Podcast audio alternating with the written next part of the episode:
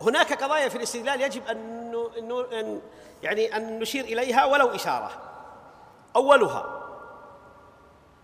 أن دلالة النصوص على الأحكام متفاوتة من حيث القوة والضعف ومن حيث الظهور والخفاء. هنا يجب أن نؤمن بهذه القضية.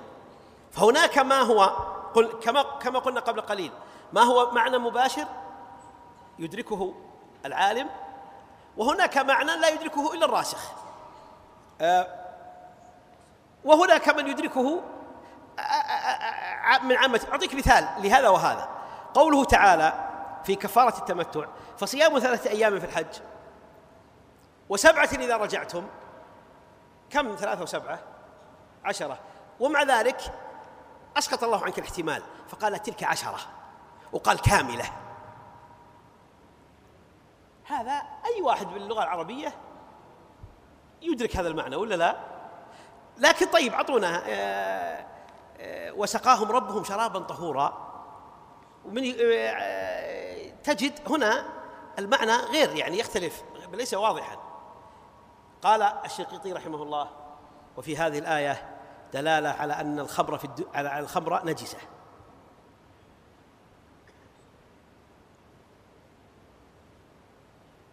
سم؟ أي. هذا هل هذا معنى مباشر؟ هل هذا يفهمه كل أحد؟ ممكن أنت وأنا نقرأ الآية هذه كثيرا ولا لا؟ ولا لا؟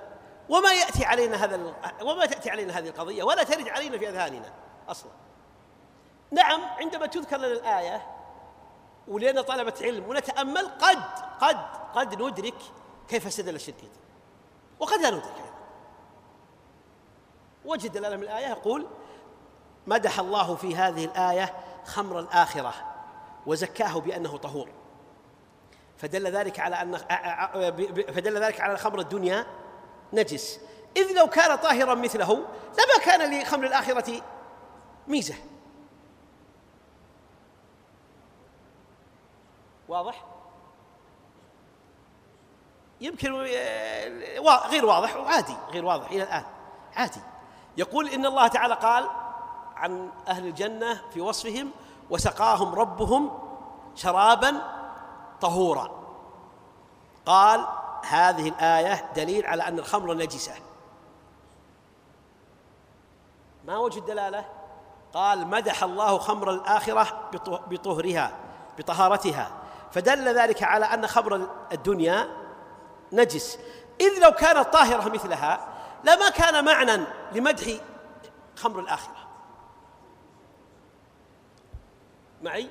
قد يجي الأخ مصطفى الشيخ مصطفى وينازع في هذا الاستدلال وفرح به ورفع يده يريد أن يعارض. ما وارد.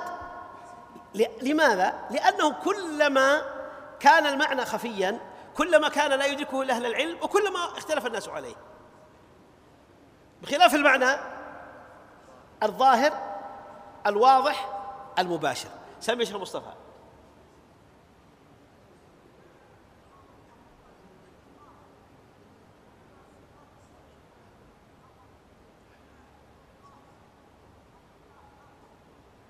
على القول بالتفريق بين الطاهر والطهور تكون الدلالة على ما على ما يقوله الأخ آكد أنه ليس مجرد طاهر بذاته بل طهور فهو فهو معنى أدق. فهو معنى أدق. هذا على القول بالفرق يعني. أما إذا قلنا لا فرق فيبقى الاستدلال آه، واضح ولا لا شيخ نعم. أيضا آه، الدلالات متفاوتة في قوتها فمنها ما هو قطعي. لوضوحه ومنها ما هو محتمل. ومنها ما هو محتمل متردد. ولذلك تجد أن العلماء مطلقا الأصوليون والفقهاء وغيرهم يستدلون بآية واحدة على الحكمين المتناقضين على القولين المتباعدين. لماذا؟ لأن الدلالة ليست قطعية لأنها لو كانت قطعية كانت ما تحتمل. فلما كانت محتملة رجح هؤلاء. هذا الاحتمال. ورجح هؤلاء هذا الاحتمال. يعني مثلا يا أيها الذين آمنوا إذا قمتم إلى الصلاة فاغسلوا وجوهكم وأيديكم. إذا قمتم إلى الصلاة فاغسلوا وجوهكم وأيديكم. حملها بعضهم وهو الأكثر على أنكم أي إذا أردتم أن تصلوا فلا بد أن تكون على طهارة فالمقصود الطهارة للصلاة. ويستدلون لهذا الاحتمال بفعله صلى الله عليه وسلم يعني بأنه كان يصلي الصلاتين بوضوء واحد إلى آخره.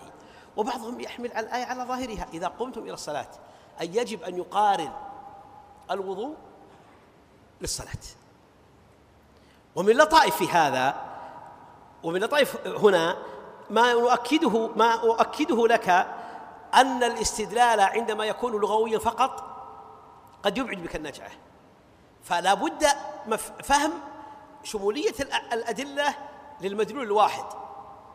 ولذلك هؤلاء لما حملوا هذا المعنى على إرادة أنه لا تجوز صلاة إلا بوضوء هل هو من ذات الآية فقط أم مع ضم الأدلة الأخرى إليها؟ نعم. مع لما ضموا الأدلة الأخرى إليها. صح ولا لا؟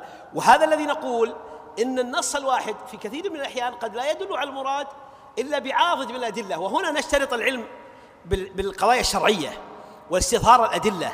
ولذلك كلما كان الإنسان مستظهرا كلما كان طالب العلم مستظهرا للأدلة بعمومها كلما كانت استدلالاته أعيد الجملة حتى تكون تقعيدا كلما كان طالب العلم عنده استظهار الأدلة سواء من الكتاب أو من السنة كلما كان استدلاله أنجح وأصوب من الذي يتعامل مع المسألة بالدليل الواحد.